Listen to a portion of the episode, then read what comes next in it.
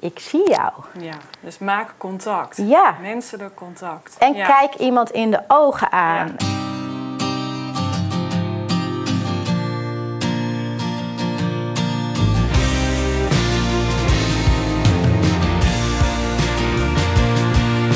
Je luistert naar de podcast Naast Noordwest. Nou, we zijn hier in mijn resort. en ik kom hier eh, bijna iedere week wel. eh, voor infusen of voor behandelingen of voor onderzoeken of voor labprikken. Ja, maar wekelijks, jeetje. Dan kan je ook alle mensen van de... Hier, van de vrijwilligers. Nou, dat valt wel weer mee. Ja? De beveiligers hebben dan een bekend gezicht. Oh ja. En eh, opnameplein ben ik best natuurlijk eh, Ja. vaak. Maar meestal kom ik via de spoed, dus dan niet via het opnameplein. En dan komen we nou eigenlijk bij de wc, waar ik al gelijk altijd weer heen moet. Ja, Omdat nou, terecht. Dus ik ga Ja. even naar het toilet. Je hoort Barbara. Ze kent het ziekenhuis bijna beter dan een gemiddelde werknemer. En zo opgewekt is ze altijd. Maar dat heeft ook een keerzijde. Dat hoor je zo.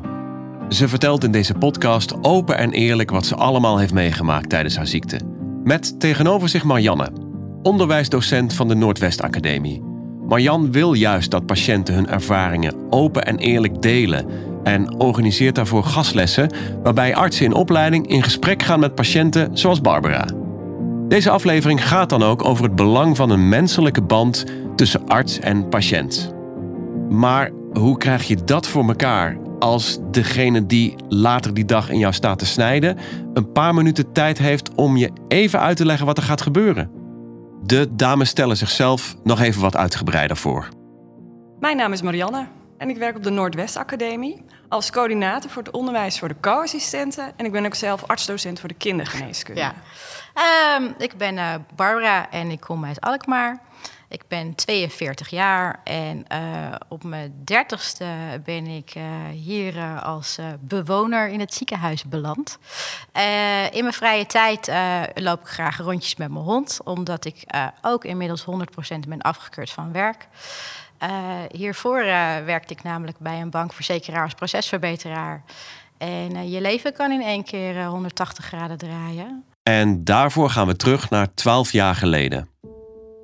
Ik was 30, ik was net 30 geworden. Ik zat lekker in mijn vel. Ik sportte veel, feestte veel, werkte veel.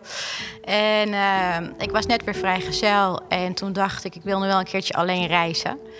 Eh, dus eh, toen heb ik een eh, backpack geleend en een ticket geboekt naar Bali. En daar heb ik een scooter gehuurd. En daar ben ik eh, drie weken in mijn eentje rond gaan rijden met alleen maar Lonely Planet.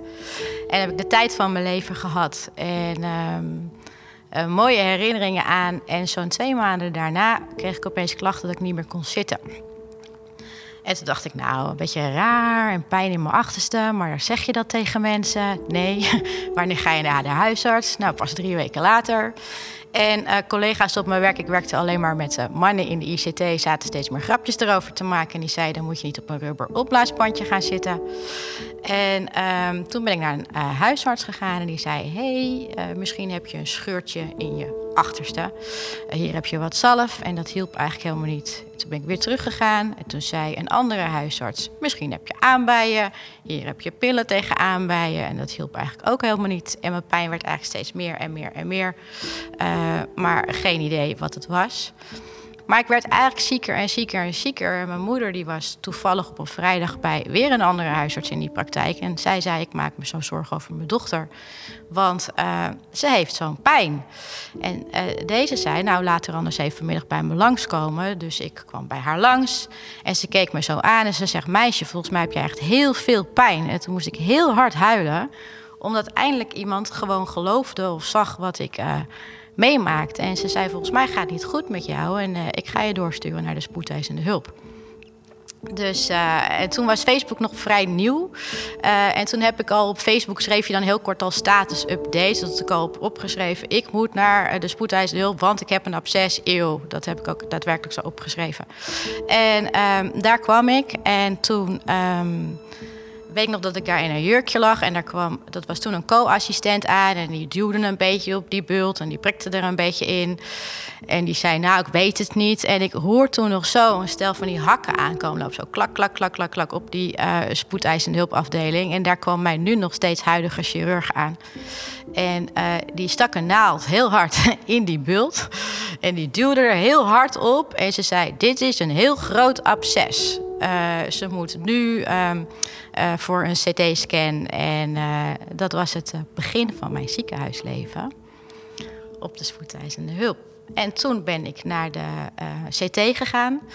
En ik kon daar meekijken. En eigenlijk was vanaf mijn navel tot aan mijn bovenbenen... zag ik ook, als ik meekeek, alleen maar witte vlekken. En ik wist zelf ook wel, witte vlekken volgens mij alleen maar ontstekingen. Toen zei ze, nou, degene die hierin gespecialiseerd is, die is er dinsdag pas weer. Uh, dus je kunt kiezen, je kunt naar huis gaan of je kunt hier blijven. Dus dacht ik, nou, dan ga ik wel lekker naar huis. Dus dinsdag zat ik uh, op één bil, weet ik nog heel goed, in mijn jurkje met mijn hakken, met mijn moeder tegenover die chirurg die die naald zo hard in me had gestoken met die hakken.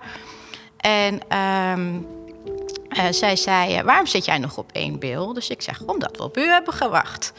En toen zei ze, weet jij wel hoe ziek jij bent? jij bent heel ziek. Ik heb je MRI-beelden gezien en ik ga jou niet één keer opereren, niet twee keer, niet drie keer. Maar dit wordt nog heel vaak en ik ga mijn schema omgooien en jij moet vanavond nog voor OK. Zucht. En ik werd eigenlijk een beetje giechelig, want dat is ook heel apart. Ik, ik hou van series en films en dan zie je van die zieke mensen... die zien er ziek uit en die doen ziek en die voelen zich ziek. Maar zo voelde ik me eigenlijk helemaal niet. Ik had gewoon wel heel veel pijn, maar ja, geen idee.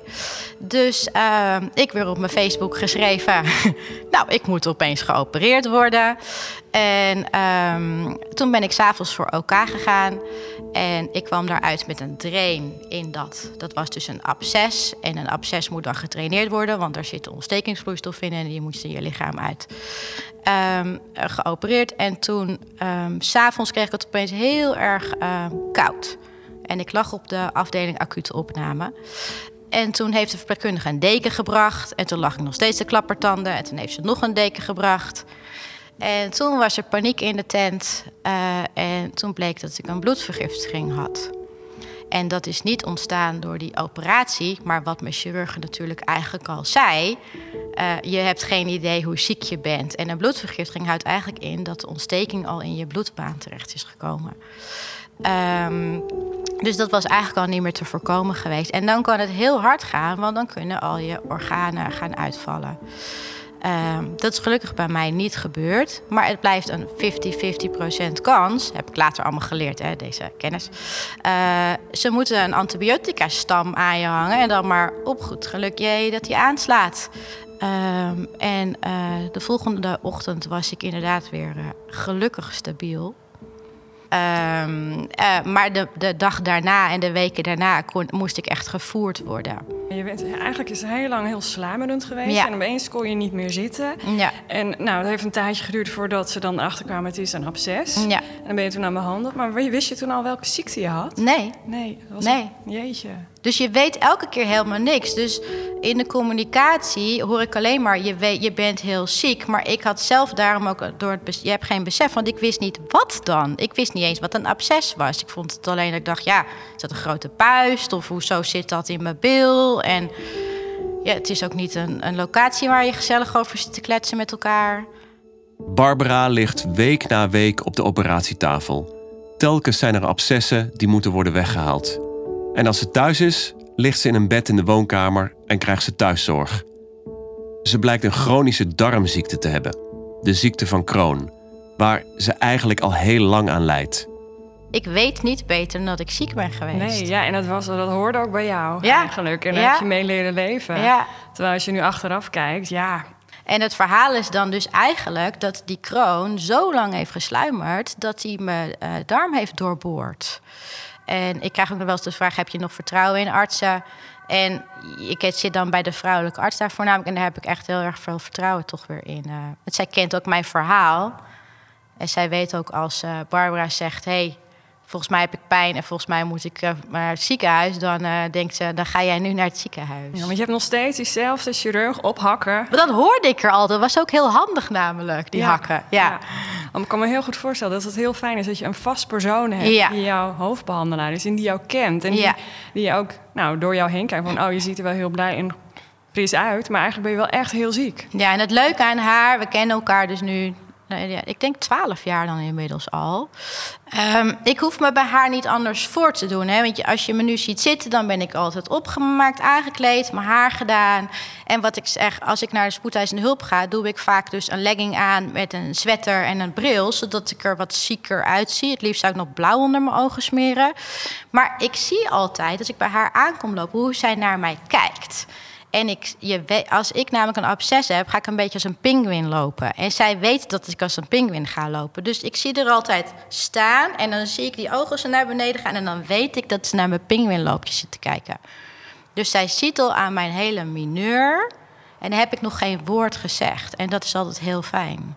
Ja, ja dat is we hoeven niks te zeggen. Maar je komt natuurlijk ook heel veel andere mensen tegen in het ziekenhuis. Ja. Andere dokters, andere verpleegkundigen die jou niet kennen. Ja, ga je daarmee om? Ja, dat is lastig.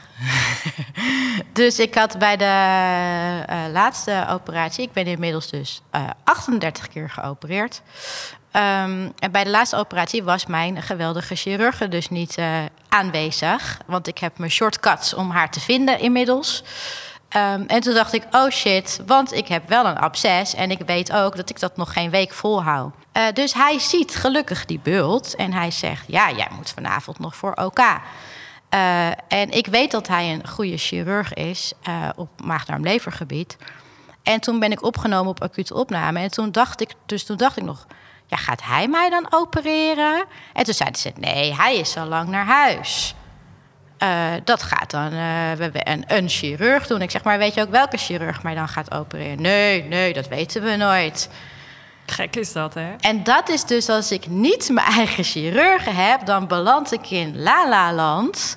Want ik heb werkelijk geen idee. Ik ga naar een afdeling, maar ik weet niet wie in mij gaat snijden die avond. Gek idee is dat toch? Dat is heel gek. Ja, je bent helemaal de regie kwijt. Ja. ja en dan ben je aan je lot overgelaten. En eh, als je dan over communicatie hebt, ik weet dat het een goede chirurg is, maar soms denk ik ook wel eens, omdat ik zeg maar zo'n uh, vaste bezoeker hier ben, denk ik wel eens, is dan ook de aanname dat ik het wel weet van artsen. Dus dat ik wel zou weten dat hij mij niet zou opereren. Of zou hij dat nog steeds moeten zeggen? hey, ik heb je nu opgenomen, ik neem je op, maar ik ben niet je chirurg vanavond. Nou, ik zou het gewoon heel netjes vinden dat je kan verwachten wie gaat er wie gaat wat doen. Ja, maar op een sportprogramma werkt dat dus niet zo, nee, zeggen ze Maar dan. nog, als je in iemand gaat snijden... Iemand gaat onder narcose, je gaat in iemand snijden. Die patiënt, het, is gewoon, het gaat om vertrouwen en om een relatie. En die ga je toch aan, hoewel iemand onder narcose is. En hoe fijn is het om te zeggen van... hé, hey, ik ga je opereren. Ja. En ook daarna, als je weer wakker wordt, dat je zegt: hé, hey, ik heb jou geopereerd, dit en dit heb ik gedaan. Ja. Ja, dus het hoeft niet veel tijd te kosten. En het geeft wel veel meer vertrouwen, denk ik. Ja, zeker. Maar dat heb je dus als je dus verschillende artsen hebt. Dus zodra ik niet mijn vaste artsen heb, dan ga ik het spannend vinden. En terecht. En dan ga ik heel erg de regie proberen te ja, pakken. En dan ga je natuurlijk kletsen. En dan ga ik uh, kletsen en ja. energie zijn. En uh, dat is dan mijn copingmechanisme. Ja, dat is jouw stressreactie. Ja. Nou, logisch. Ja. Maar daardoor kan ik dus inderdaad ook wel wat... Uh, oh, ze weten het allemaal wel overkomen. Ja. Terwijl ik ook gewoon een hele zieke patiënt ben. Want anders lig je niet s'avonds op die spoedeisende hulp uh, Ook dat. Te wachten en dan ben je, niet op je 42ste 100% afgekeurd. Nee. Hè? Ja. En uh, ja, dat is niet voor niks. Nee ik denk wel, ja, wat heel belangrijk is, is dat je realiseert dat je als patiënt ontzettend kwetsbaar bent. Je bent afhankelijk en je bent ziek. En je mhm. komt in een systeem en ineens word je ingepland en na de OK. De tijd weet je ook nooit exact. Je weet ook niet wie je gaat opereren. Het is ontzettend spannend en je bent ontzettend machteloos. Dus ja, je moet je echt overgeven en vertrouwen aangeven. Ja. En dat is echt heel spannend. En ik denk dat wij onze studenten en alle artsen en alle betrokkenen het beste kunnen leren. Communiceer met die patiënt. Stel hem gerust. Eh, vertel wie gaat je opereren, wat gaat er gebeuren. Um, nou ja, dat soort dingen. Op de kindergeneeskunde worden patiënten voorbereid. Hè? Mhm. Kinderen met hun ouders van, nou, je wordt straks geopereerd, je krijgt een infusie. Het hele proces wordt helemaal begeleid. Eigenlijk zouden we dat bij volwassenen ook moeten doen. Um, want je bent zo machteloos Nou ja, en soms als patiënt vind ik het ook lastig, want dat is natuurlijk ook een, een groot stuk van uh, de rol van de verpleegkundige. Dus als ik word opgenomen, komt een verpleegkundige naar je bed en die zegt: hey, je bent vandaag opgenomen en je staat zo laat op een OK en we gaan nu je medicatie met je doornemen en dit en dat. Dus je wordt wel een beetje aan je hand meegenomen als je wordt opgenomen, maar dat is dan door de verpleegkundige. Ja. En een arts zie je eigenlijk niet al zie je een patiënt maar heel kort, mhm. je hebt wel een heel belangrijk aandeel daarin. Ja. En je behandelt niet een ziekte, mhm. maar je behandelt een mens ja. die daar verder mee moet. Ja. En die ook vertrouwen moet hebben in wat jij gaat doen. Ja. En wat je samen gaat doen. Ja ik snap dat jij, als je een 10 minuten spreekuur hebt, dat het gaat over hoe staat het met je medicatie. En ben je in remissie, uh, dus is je ziekte rustiger geworden. Uh, maar aan de andere kant zitten er bij mij veel meer aspecten aan kwaliteit van leven. En dan vraag ik niet van een arts, kun je dat voor mij oplossen? Maar als je dat bij mij uitvraagt, kun je bijvoorbeeld denken, hey, uh, uh, misschien moet ze naar een bekkenbodemfysio, want ze is door die pijn zo vaak die, die, die bekkenbodem verkeerd gaan aanspannen, dat ze nu 80 keer per dag naar de wc moet, bijvoorbeeld. Of uh, hey, misschien moet ze naar een fysio.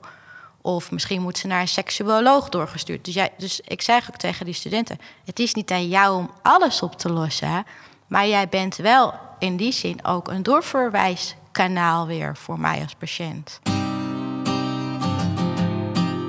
Wil je me laten zien waar je zoveel tijd doorbrengt in het ziekenhuis? Ja, zeker. Zullen we daar naartoe lopen? Ja, gaan we naar mijn resort. Ja. je noemt jezelf ook bewoner, hè? Ja. ja. Of buurman, buurvrouw. Oh ja. Hoe is het voor jou om hier nu rond te lopen terwijl je zelf geen behandeling hoeft? Ja, dat is dus heel lekker. Ja. Omdat ik altijd dan de patiënt ben. Uh, uh, maar ik had dus een vriendin uh, met borstkanker en die is helaas overleden. Maar die heeft een keer bij mij aan mijn bed gezeten hier. En de rest zal zich dat ook nog herinneren, want ze was heel erg uitgelaten en vrolijk heeft en heeft een um, kroket zitten eten aan mijn bed. Dus dat rook je op de hele zaal. Maar ik snapte dat dus volledig als ik bij anderen ziek kom. Dat ik eindelijk een keer niet die patiënt ben. en niet die zielige blikken op mijn hoofd heb. Ja, precies. Ja. Dit is alle endoscopie hier. Goedemorgen. Goedemorgen. Dus hier zijn alle darmonderzoeken. Ja. Ja, want normaal zou een patiënt hier zelf niet de weg vinden. Zo. Ja, nee, dus dat, dit is mijn huis. Mijn home away from nou. home. Hallo. Uh, en dan hier de wc's, die weet je ook heel goed als kroonpatiënt. Ja. Oh, en het leuke op deze afdeling is dus ze kennen hem hier best heel goed. Dus uh, als ik hier aankom, dan ga ik al liggen op mijn bed. En ik heb een bed nodig, want ik kan niet zo lang zitten. En uh, dan hebben we hier een verzorgende en die uh, zegt dan... Hé hey Barbara, en zonder dat ik iets hoef te zeggen... staat al mijn koffie met drie zoetjes naast me en mijn groene thee. En ik zeg, hoe weet je dat? Ja. en dan zegt ze, ja, ja, weet ik niet, maar... Ja, ik weet nooit of het positief is dat iemand je zo kent en wat je ja, drinkt. Dat, dat is wel lief. Dat is echt een heel vast recept. Van, nou, hé, hey, maar dan komt zij en dan hou ik er rekening mee dat ik klaar leg wat jij nodig hebt. Precies. Dat is echt super lief. Ja. ja. En... Oh, is niet die verzorgende, hè? Hi. Hey. Hallo. Loop alleen langs. Oké. ik zie je volgende keer. Nou, fijn dat je het hebt laten zien waar je nou zoveel tijd doorbrengt. Jij bent nu betrokken bij het onderwijs. En ik ben nou heel erg benieuwd. Wat wil je nou echt meegeven in het onderwijs... wat die studenten gaan toepassen straks in hun werk? Uh, ja, dat zijn dus meerdere dingen. En kijk, ik vertel dit allemaal heel vrolijk, hè. Maar dat mhm. is omdat dit gewoon mijn leven is. Dus mhm. daar maak je weer wat van. Dus ik kan niet iedere dag in een, in een hoekje zielig gaan huilen... En, en mezelf zielig gaan vinden. Maar ik heb 24 uur per dag pijn. Ik leef op morfine. Ik loop nu met een drain door deze gangen. Iedereen kent me. Dat is niet per se heel goed nieuws. Hè. Ik had liever uh, gewild mhm. dat ik een leuke baan had. Maar uh, wat ik dan dus meemaak hier in het ziekenhuis... is dat ook met nieuwe artsen... Uh, die moeten op deze afdeling infuus leren plaatsen. En dan weten ze dat ik daar wel graag proefkonijn dan voor wil zijn. En denk, doe je best. Ik ben eigenlijk heel moeilijk te prikken. Maar um, dan kijken ze je bijvoorbeeld niet aan. Dus ik lig in het bed en er komt nu iemand voor het eerst in zijn lange jas mm aanzetten. En die gaat ze infuus prikken. En hij heeft mij dan geen één keer aangekeken. Dus wat ik dan zelfs alweer mis is dat bijna alles, ook bij de nieuwe arts in opleiding, gaat nog over het medisch handelen. Dus het gaat over, oh, je hebt een drain en je hebt een absces. Mhm. Maar gewoon mij in de ogen aankijken. En waar ik dan mijn chirurg ook zo goed in vind, is zij wiebelt met een OK altijd daar van meteen. Of even je hand aanraken. Dus je raakt mij namelijk al aan als je een infuus plaatst. Dus hoe moeilijk is het om even een seconde langer je hand op mijn hand te laten? Ja. Want dan zeg je eigenlijk, ik zie jou. En ik denk dat het enige wat ik mee wil geven, vooral aan artsen, is, ik zie jou. Ja, dus maak contact. Ja. Menselijk contact. En ja. kijk iemand in de ogen aan. Tot zover deze bijzondere ontmoeting tussen zorgprofessional en oud-patiënt. We zijn er snel weer met een nieuwe aflevering. Dankjewel Barbara voor je indrukwekkende verhaal. Natuurlijk ga ik je nog veel vaker zien op de academie.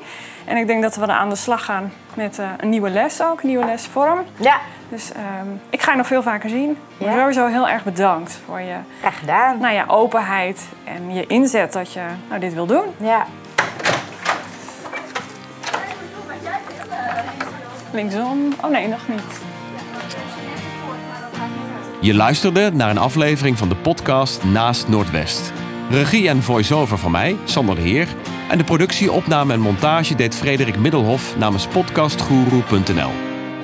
Abonneer je op deze podcast. Like en deel dit verhaal. En dan zijn we er snel weer met een nieuwe ontmoeting tussen een patiënt en een zorgprofessional.